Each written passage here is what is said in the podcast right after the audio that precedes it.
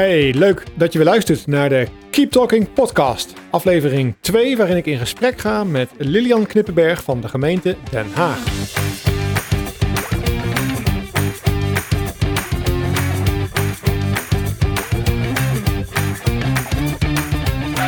En in deze tweede aflevering zal het vooral gaan over het informatiebeveiligingsproces.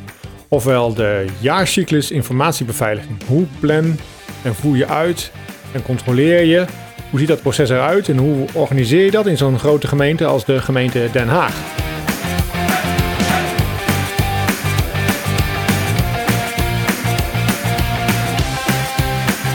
Dus waar het in aflevering 1 vooral ging over de onderliggende normenkaders, waaraan voldaan moet worden eh, en ook de betrekkelijkheid daarvan, gaat het in deze tweede aflevering meer over het jaarproces. Ofwel, ik, heb, ik noem het wel eens de machinerie.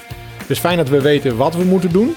Maar in welke volgordelijkheid krijg je dat nou organisatorisch voor elkaar? Wie moet nou wat doen? Wie heeft welke rol? Wie ziet toe? Wie voert uit? Wie plant? Wie schrijft beleid? En hoe werkt dat allemaal met elkaar samen? Nou, dat is best knap lastig om dat te organiseren. En wat daarbij helpt, is een uh, senior ISO zoals Lilian, die dat allemaal met een glimlach, enthousiasme en veel kennis van zaken organiseert.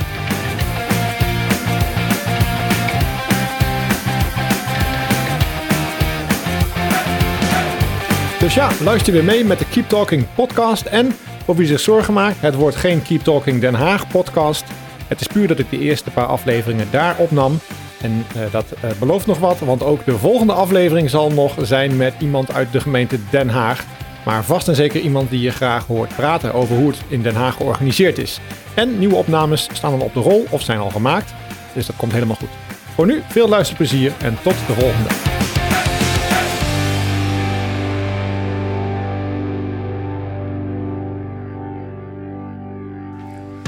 Een goedemiddag Lilian. Een goedemiddag Renko.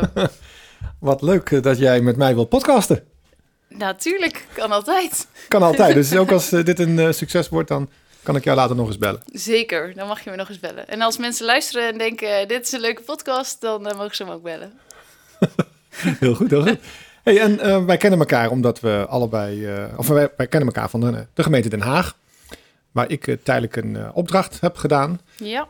Ehm, maar wie is Lilian en wie is Lilian in de context van de gemeente Den Haag? Uh, ik ben dus Lilian. um, ik werk inmiddels uh, ruim twee jaar bij de gemeente Den Haag. Uh, ik heb de rol van plaatsvervangend CISO en ben coördinerend adviseur, zoals dat zo mooi heet. Wauw. Um, ik hou me bezig met de organisatorische kant van informatieveiligheid. Uh, dat wil zeggen awareness, leveranciersmanagement, risicomanagement uh, en alle aanverwante onderdelen, zoals on onder andere ook compliance. Uh, dus hoe voldoen wij aan standaarden? Welke standaarden gebruiken we? Al dat soort onderwerpen. Mm -hmm. um, een breed uh, palet. Dat is een heel breed palet en er speelt altijd een hele hoop. En dat vind ik heel erg leuk. Uh, dat er wat mijn grootste uitdaging en wat ik het allerleukst vind, is om met de verschillende gemeentelijke diensten um, en al die verschillende contexten uh, veiligheid en informatieveiligheid toe te voegen. Dus om in gesprek te gaan over hoe is jouw proces, wat doe je precies, welke dingen lever je aan de inwoners van de gemeente uh, en hoe zorgen we dat dat veilig is, gezamenlijk, informatieveilig is dus.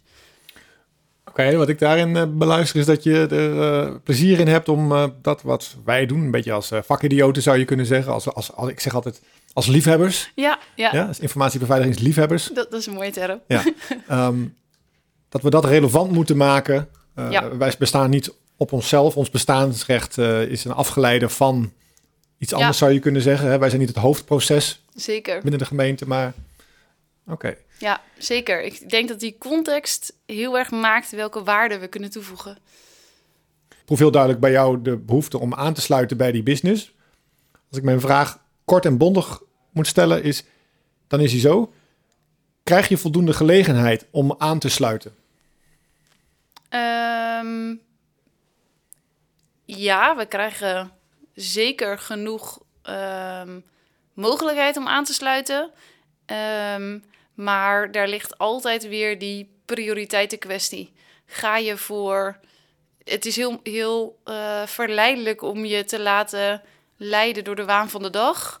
Maar uh, wat, wat, wat we juist heel erg proberen te doen, is te kijken naar de lange termijn. En naar wat is er ook op lange termijn belangrijk. Dus niet wat is alleen vandaag belangrijk, maar ook juist die lange termijn. Dus die balans is altijd ingewikkeld. En die balans is ook uh, ja, de, de ene keer moeilijker dan de andere keer. Um, zeker aan het einde van het jaar, als je de jaarafsluiting hebt.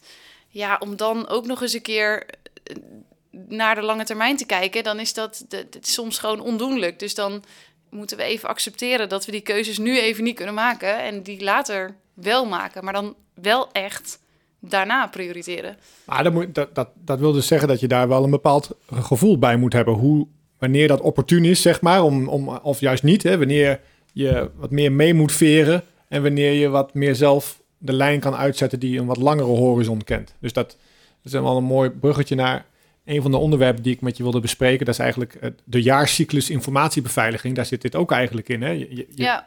je weet gewoon op een gegeven moment, dit is een drukke periode voor, voor een bepaalde afdeling. Dit is niet het beste moment om uh, nog eens eventjes, uh, ik noem maar wat, uh, de duimschroeven nog wat aan te draaien als het gaat om, weet ik veel, technische maatregelen die je zou willen nemen die de bewegingsvrijheid inperken. Ja, dat is niet een hele populaire boodschap. Nou, als je die dan al moet brengen, denk er dan even over na wanneer en hoe. Ja, ik zie jou aarzelend. Uh, ja, zeker. Um, aarzelend, dat inderdaad, dat is aan de ene kant... Uh, ik snap wel dat je het gevoel noemt. Aan de andere kant, um, ik zit iets meer op afstand, omdat we in het team hebben verschillende aanspreekpunten en die zitten daadwerkelijk met zo'n dienst aan tafel. Ja, en ik ben dienst dan is eigenlijk... een grote afdeling van de gemeente, ja, hè? voor ja, de duidelijkheid. Klopt, ja, ja even de, dat, dat is dus zo'n afdeling en die Um, die aanspreekpunten die zitten in het rechtstreekse gesprek. En ik ben meer in de soort van lijn daarachter dat ik uh, overleg met al die aanspreekpunten. hey, wat zijn we aan het doen? Wat zijn de prioriteiten? En hoe kunnen we dat balanceren? Dus ik kan iets makkelijker van een afstandje naar dit soort dingen kijken. Ja, het iets meer de helikopterview over de verschillende diensten heen. En, ja. Ja.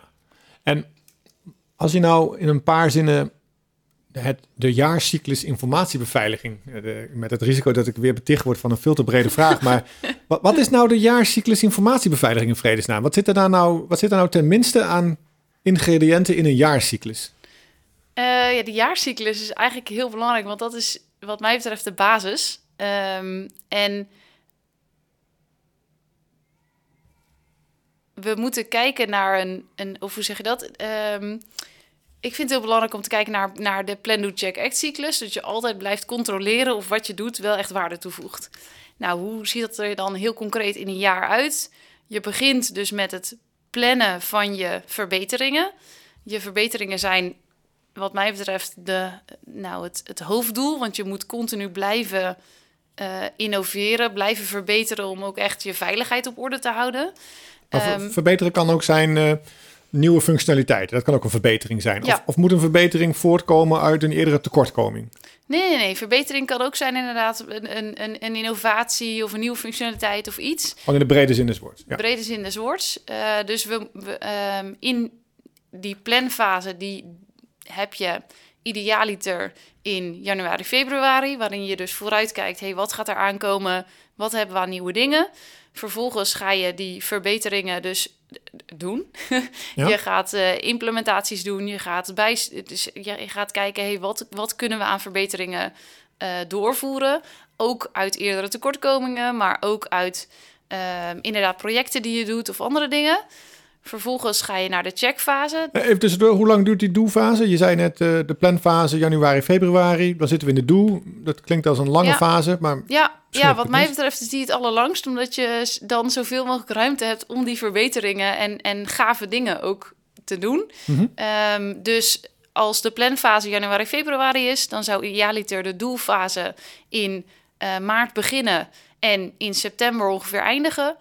Uh, dan zou je in oktober dus naar je checkfase kunnen gaan, naar je controleslag of je maatregelen worden nageleefd of je basis ja, op orde is, zou ik bijna willen zeggen. Dus of je baseline klopt. Voor gemeenten is dat altijd de baseline voor de informatieveiligheid voor de overheid, de BIO. Ja.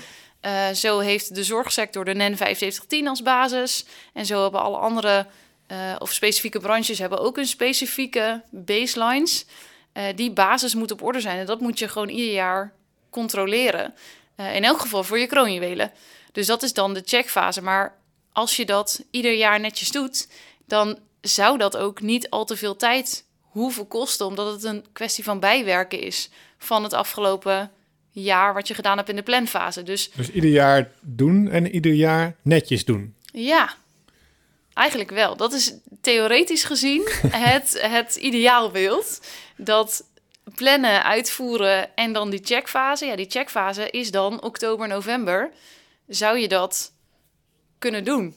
En vervolgens krijg je dan in december je act, dus je bijsturen op basis van je evaluatie van je baseline. Ja, dus die A die slaat dan weer de brug tussen de C en de volgende P. Ja, Ja. inderdaad. Ja, en dan, nou ja, eh, compliance is dan dus iets wat je checkt in die checkfase. Ehm, dat is heel belangrijk, want dat geeft je inzicht in de status, in waar je, waar je bent. Maar eh, waar ik de meeste energie van krijg en wat denk ik ook het meeste waarde toevoegt, is daadwerkelijk die, die uitvoering.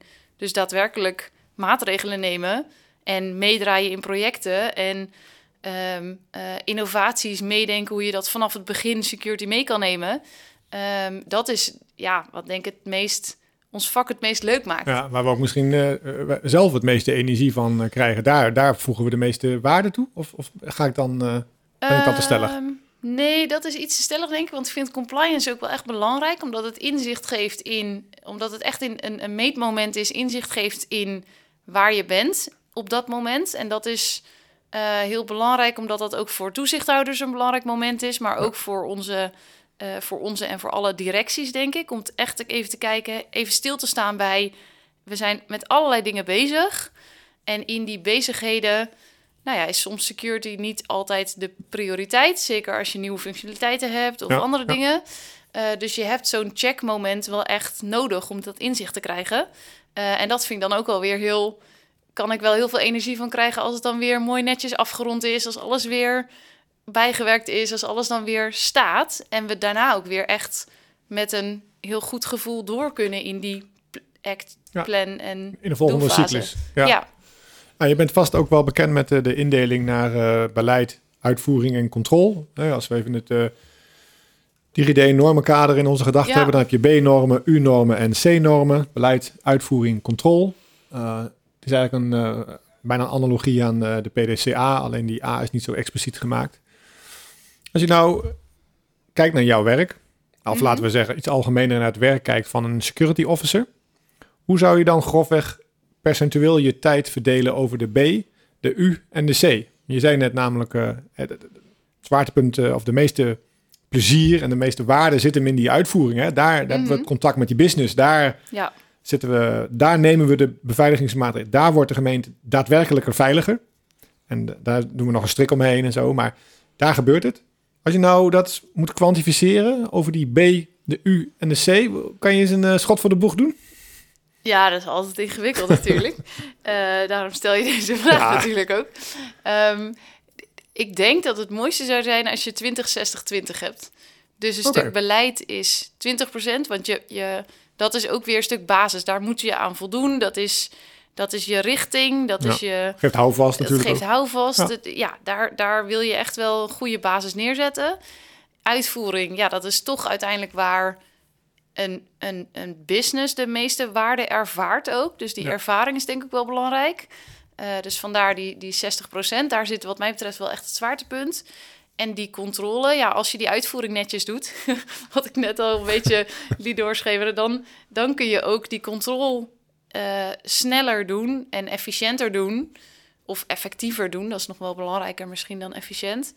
Ehm, en dan zou je dat ook in evenveel tijd kunnen doen, denk ik, als je de beleidsstuk Ja. doet. Dus dan, nou ja, wat mij betreft, heb je dan een mooie verdeling. Maar dat is wel theoretische blik. In de praktijk, ja. Is het dan zo dat, in die, is dat die uitvoering dan ehm, eh, toch niet zo nauwkeurig gebeurt of als je zou willen. En dat je daardoor meer tijd kwijt bent aan de, aan de controlekant. Dus de C wordt die dan groter. Ik bedoel, als je het aan de, aan, bij de uitvoering, dus de U, Mhm. voor een deel laat liggen, omdat er ook natuurlijk allerlei andere prioriteiten en dingen op je afkomen. Loopt het dan over naar de C? Krijg je dan meer. Want, want kijk, waarom ik het vraag, compliance. Jij gaat glimlachen bij compliance. Er zijn veel Ja. meer mensen die eh, wegduiken bij compliance. Als in, of Ja. in tranen uitbarsten, bij wijze van spreken. Het is iets wat moet, maar wat je echt alleen... Ik chargeer natuurlijk nu, maar wat je echt alleen Mhm. doet omdat het moet. Je hebt er niks aan, maar het moet. Gewoon een verplicht nummertje. Terwijl, hoe jij het framed, is het natuurlijk een heel nadrukkelijk een stap in een cyclus... die heel- ja, heel logisch is en ook raar zou zijn als je die over zou slaan Ja, de kunst is wel om dat enthousiasme wat jij dan hebt bij compliance, om dat ook ja, te verkopen tussen aanhalingstekens aan die business. Zo van ja, maar jij hebt er ook wat aan. ja. Ehm, hoe communiceren die, die, die- dat uitvoeringsdomein en dat controledomein dan met elkaar? Zit daar een relatie tussen als je het ene laat liggen dat het ander dan toeneemt? Of, of, of is dat niet zo te stellen? Ehm, ik denk dat dat niet zo te stellen is, omdat je in de praktijk inderdaad lopen die, die, die, die soort van fases heel erg door elkaar heen. En beleid, uitvoering en controle is ook niet zo hard gedefinieerd. Dus ehm, zou het richting kunnen geven aan je programma om, om die tijd zo te verdelen. Maar in de praktijk denk ik eerder dat er van beleid een stuk tijd afgaat, omdat je beleid schrijf je een keer en dan heel vaak kijk je daar vier jaar niet naar of vijf jaar niet naar. Ja. En dan na vijf jaar denk je, oh, wacht even, hij is verlopen, we moeten weer iets. En dan Ja. schrijf je dat idee. Eigenlijk zou je natuurlijk ieder jaar, of eigenlijk zou je een soort van plan check act moeten maken per onderdeel bijna. Ja. Zodat je ook echt alles in die grote cyclus meeneemt. Maar beleid is iets wat denk ik een beetje ondergesneeuwd raakt, omdat je daar de. ehm, omdat dat iets is wat de security afdeling eh, over het algemeen zelf aan richting moet geven. Eh, uitvoering is iets waar de afdelingen en zeg maar de business zelf voor staan te trappelen. Dus daar, daar gaat inderdaad al meer tijd naartoe. Ja. Ehm, en controle is iets wat dan nou ja, in sommige organisaties zou ik zeggen groter wordt inderdaad, omdat dat dan de enige manier nog is om grip te houden of te krijgen. Ehm, maar ook in heel veel eh, eh, organisaties of afdelingen denk ik dat dat, dat, dat, dan, dat dat juist heel erg ondergesneeuwd raakt. Dat er heel veel beleid geschreven wordt Ja. en een hele papieren werkelijkheid is. En we doen ook van Ehm, alles, maar Ja, zonder dat je dat daadwerkelijk aan elkaar kan linken. De meerwaarde zit natuurlijk in elkaar linken. Maar ja. ja, daar ben ik zelf ook nog lerende in. Daar zijn we als organisatie lerende in. En ik denk eigenlijk iedere organisatie in de wereld daar lerende in is. Nou, dit me denken aan eh, oude termen als eh, opzet, bestaan en werking. Hè. Opzet, eh, je beschrijft hoe Ja. je het doet. Ja, werk, of zo, opzet, bestaan. Zo. bestaan is, nou, we stellen vast of je het op dit moment of op Ja. een moment in tijd doet zoals je het opgeschreven hebt. En werking gaat nog een stapje verder. Heb je het ook elke keer gedaan zoals je het opgeschreven hebt. Dus geef je uitvoering aan wat je zelf geschreven hebt. Dus niet alleen maar beleid van ja, dat als je zegt, eh, zoals je net het voorbeeld gaf, een beleid wat na vier jaar weer van de plank komt, dan voelt het als een beleid wat vooral eh, vanuit compliance er is, maar waar die uitvoeringspraktijk, die business, dus niet echt bij geholpen is. Want anders hadden we het niet laten verstoffen op de plank. Maar goed, nu heb je natuurlijk ook tactische beleidsstukken die eh, wat meer richtinggevend zijn in de uitvoering. Dus beleid is natuurlijk meer dan alleen, dat weet ik hoor, Ja. maar meer dan alleen, alleen het informatiebeveiligingsbeleid wat je hoog over schrijft. Ehm, een vraag die ik nog heb is, als je dit zo allemaal vertelt, eh, cyclus en een cyclus die ook nog in elkaar overlopen en dan ook nog een gigantische gemeente eh, Den Haag.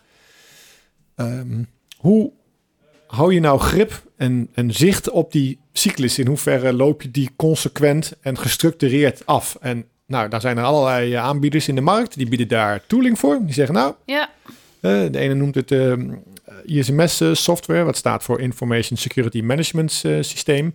Een andere spreekt over GRC, Governance, Risk Management en Compliance. Daar hebben we de C weer. ja. Hoe helpt tooling bij deze jaarcyclus, zoals je die net geschetst hebt?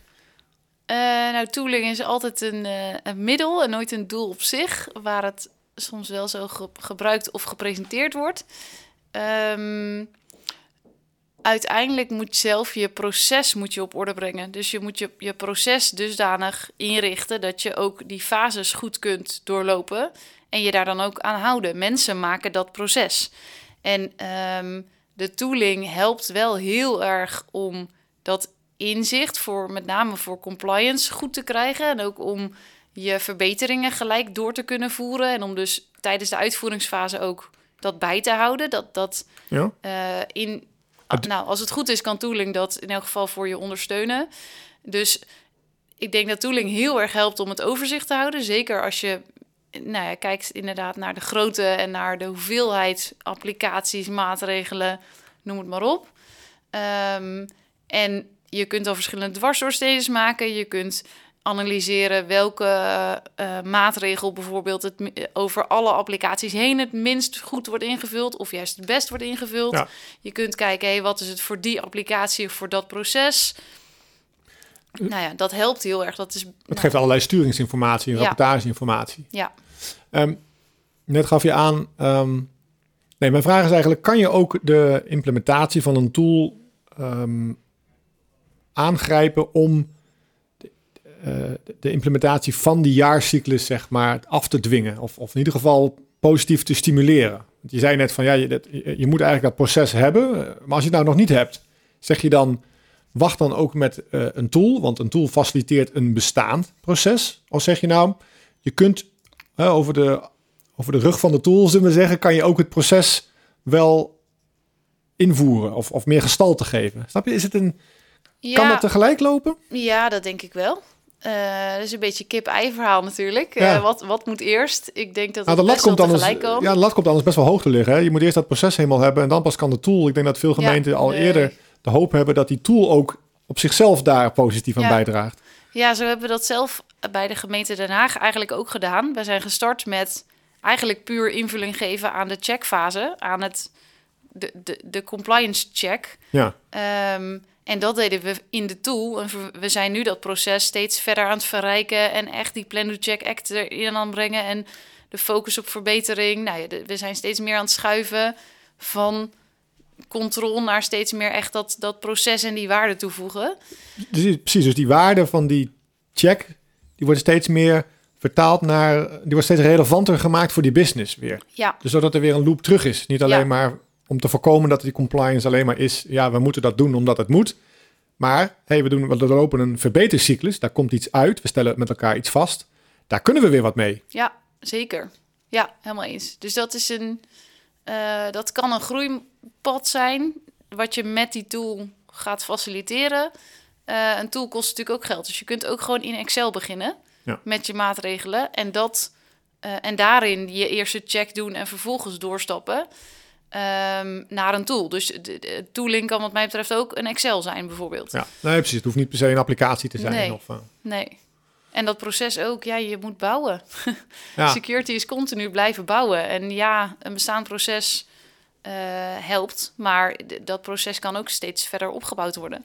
Ja, ja je, moet, je moet ergens beginnen en beter dan maar klein te beginnen, want anders Ja. begin je misschien wel nooit. Ja, ja en dan denk ik ook nog dat de, eh, het makkelijkste is om te beginnen bij een nulmeting. Dus begin bij eigenlijk die checkfase. Doe eerst een keer een evaluatie van je baseline. Ja, dus En- in hoeverre voldoe je aan Ja. de gestelde Ja. maatregelen? En dan kun je daarna gaan bijsturen, gaan plannen, gaan uitvoeren en weer controleren. hey, Ja. hoe staan we nu? Ja, dat is wel grappig dat je dat zegt, want ik vroeg je eerder van, eh, als je het hebt over, ehm, wat zei je nou ook alweer, Ehm, verbetering. Ja, Eh, verbetering veronderstelt inderdaad wel dat je al een keer iets vastgesteld hebt. Verbetering ten opzichte van iets. juist. Hè, vandaar ook mijn vraag van, eh, is het dan nodig dat je eh, daar dat al eerst gemeten hebt, bijvoorbeeld in de C hè, van de Ja. Plan Do Check Act. Dus dat kan, maar je kunt natuurlijk ook vanuit een business, business perspectief heeft verbetering een hele andere lading. Dan Zeker. Zit het meer in de hoek van innovatie, productontwikkeling. Ja, Maar En- daar kun je ook een check doen. En daar ga je ook met security by design, zo gezegd. Dus daar, daar zou je, dan begin je eigenlijk bij je soort van plan en uitvoering, dat een beetje in elkaar overloopt. Ehm, en dan is dat je startpunt. Maar je, je wil ook bij nieuwe functionaliteit op een gegeven moment kijken, eh, als het af is, bijvoorbeeld, of als het voor een, een, een, als je een aantal sprints gehad hebt, als je agile werkt en je hebt een bepaalde functionaliteit opgeleverd, wil je ook kijken, hey, voldoet dit als we terugkijken naar het hele hele pakket uh, voldoet dit aan de security maatregelen die ik, die ik heb gesteld of die we hebben genomen. Ja. Nou, dan wordt dat de baseline. Ja. ja. en als je dan kijkt naar, um, um, je noemde net al applicaties. Uh, veel applicaties uh, draaien buiten de deur, draaien in de cloud bij een leverancier. Um, ja. Hartstikke mooi, zo'n jaarcyclus. Uh, dit, stel je, dit functioneert, dit draait. Hoe krijg je hen mee in deze hele beweging, in dit gedachtegoed? Ja, ik vind leveranciers heel leuk. um, want dat, dat geeft. Leveranciers geven eigenlijk een soort van boost aan je eigen. Of kunnen een boost geven aan je eigen organisatie. Um, uh, op het moment dat je ze mee hebt, dat je goed in gesprek bent over security, over de dienstverlening die ze leveren, over uh, alle facetten die daarbij komen kijken. Dus ook bijvoorbeeld privacy, uh, maar ook je bewaartermijnen, ook ja. Nou ja, al, alle aspecten.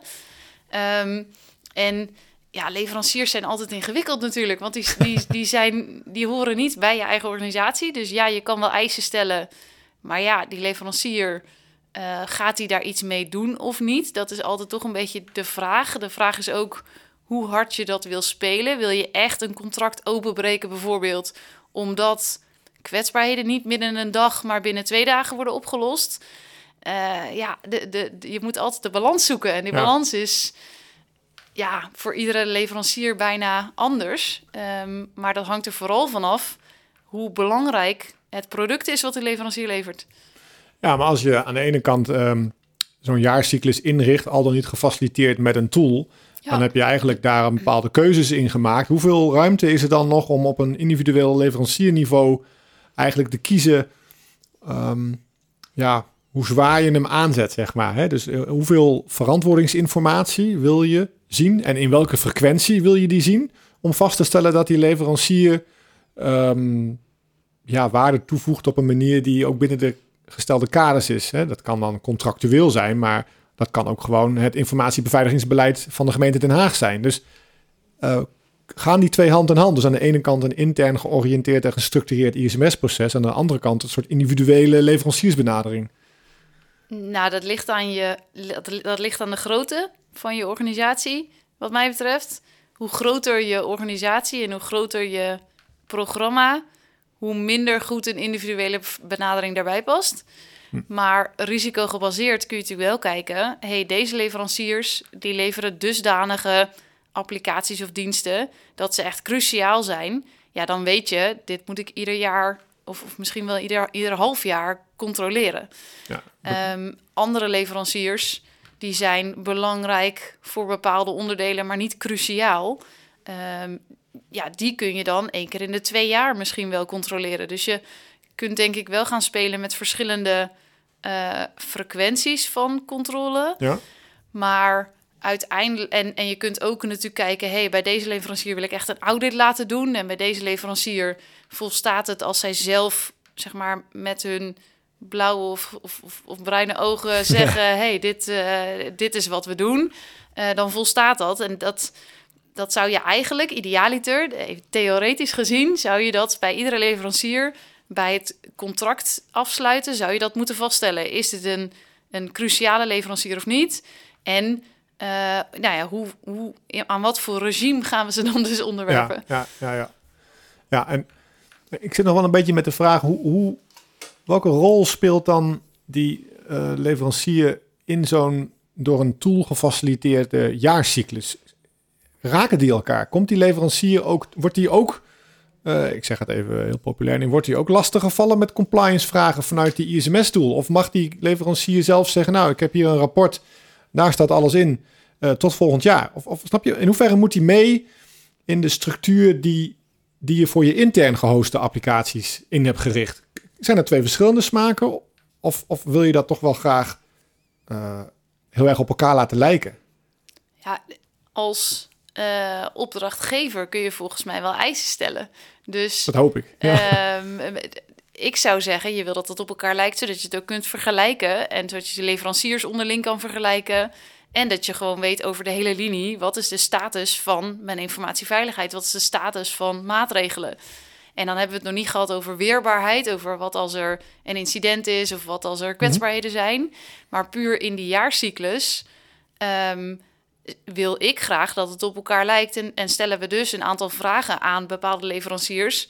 En moeten die mee in de cyclus die wij hebben vastgesteld? Ja, wij zijn ook de opdrachtgever. Ja, wij Ja. zijn ook de opdrachtgever, dus dat, dat, dat moet ook kunnen, vind ik. Maar ehm, op het moment dat een leverancier dwars zou gaan liggen, dan moeten wij kijken met de afdeling die verantwoordelijk is voor dat contract. Ja, hoe moeilijk gaan we doen? Ja. Gaan we dat contract, eh, bij wijze van spreken, laten ontbinden omdat ze niet willen laten zien hoe hun veiligheid geregeld is?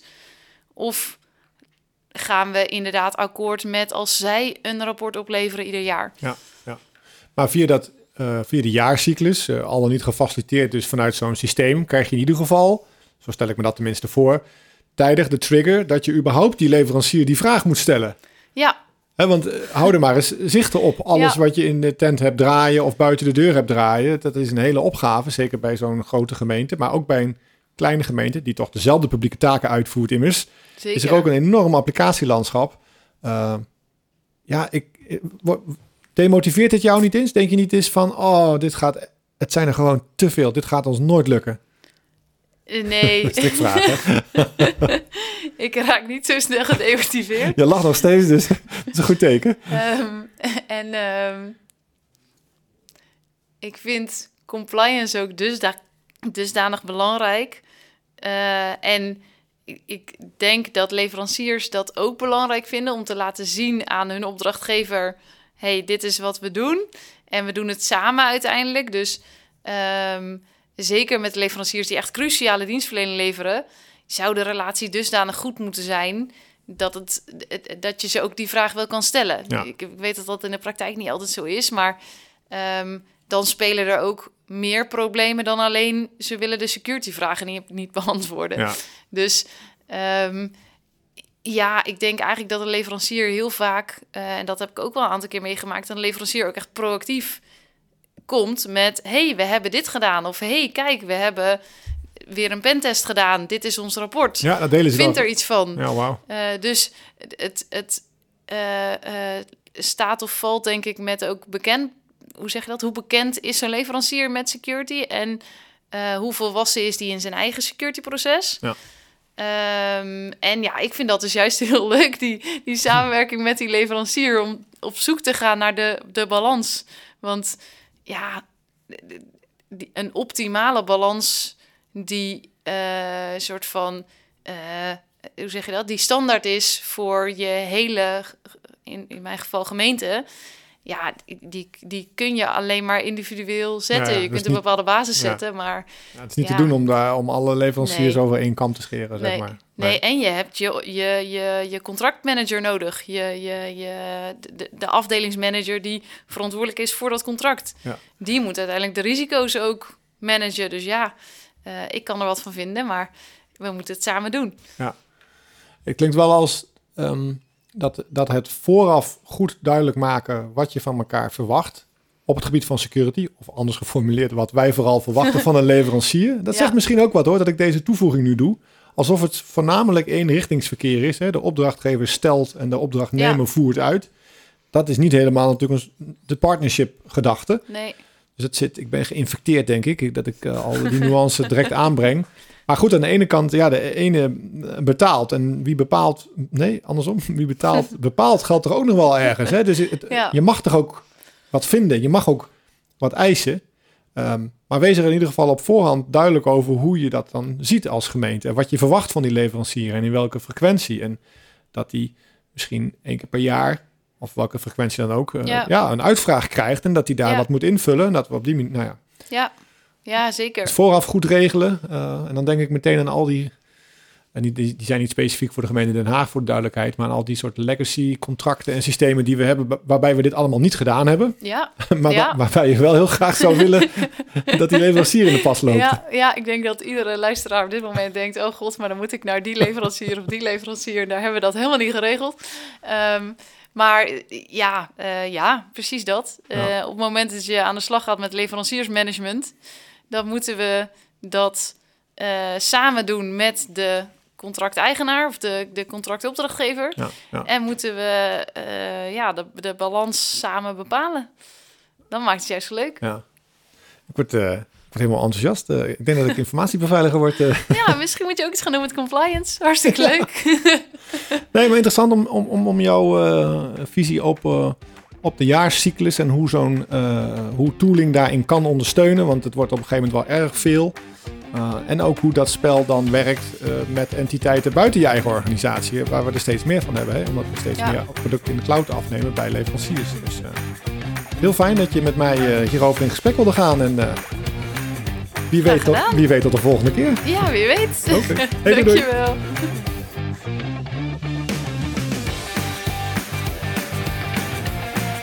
Leuk dat je luisterde. Leuk dat je het tot hier haalde. Daarmee is aflevering 2 tot een einde gekomen. Maar niet getreurd. Aflevering 3 is al in de maak en zal zijn met de CISO van de gemeente Den Haag, namelijk Jeroen Schipper.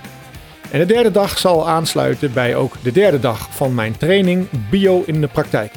En meer informatie daarover vind je in de show notes van deze aflevering. Wil je nou zeker weten dat je de volgende aflevering niet mist?